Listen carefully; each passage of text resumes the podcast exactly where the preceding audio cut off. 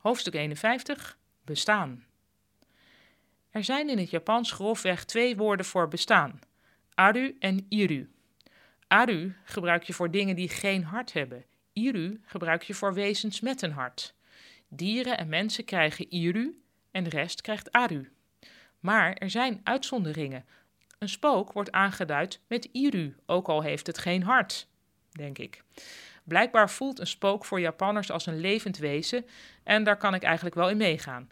Moeilijker vind ik dit. Een overleden persoon krijgt iru, een lijk krijgt aru.